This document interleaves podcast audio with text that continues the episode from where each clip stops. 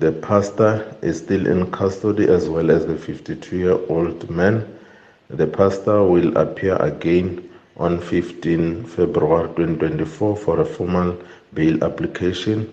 Meanwhile, the 52 year old grandfather uh, is also in custody and will appear again on 19 February 2024.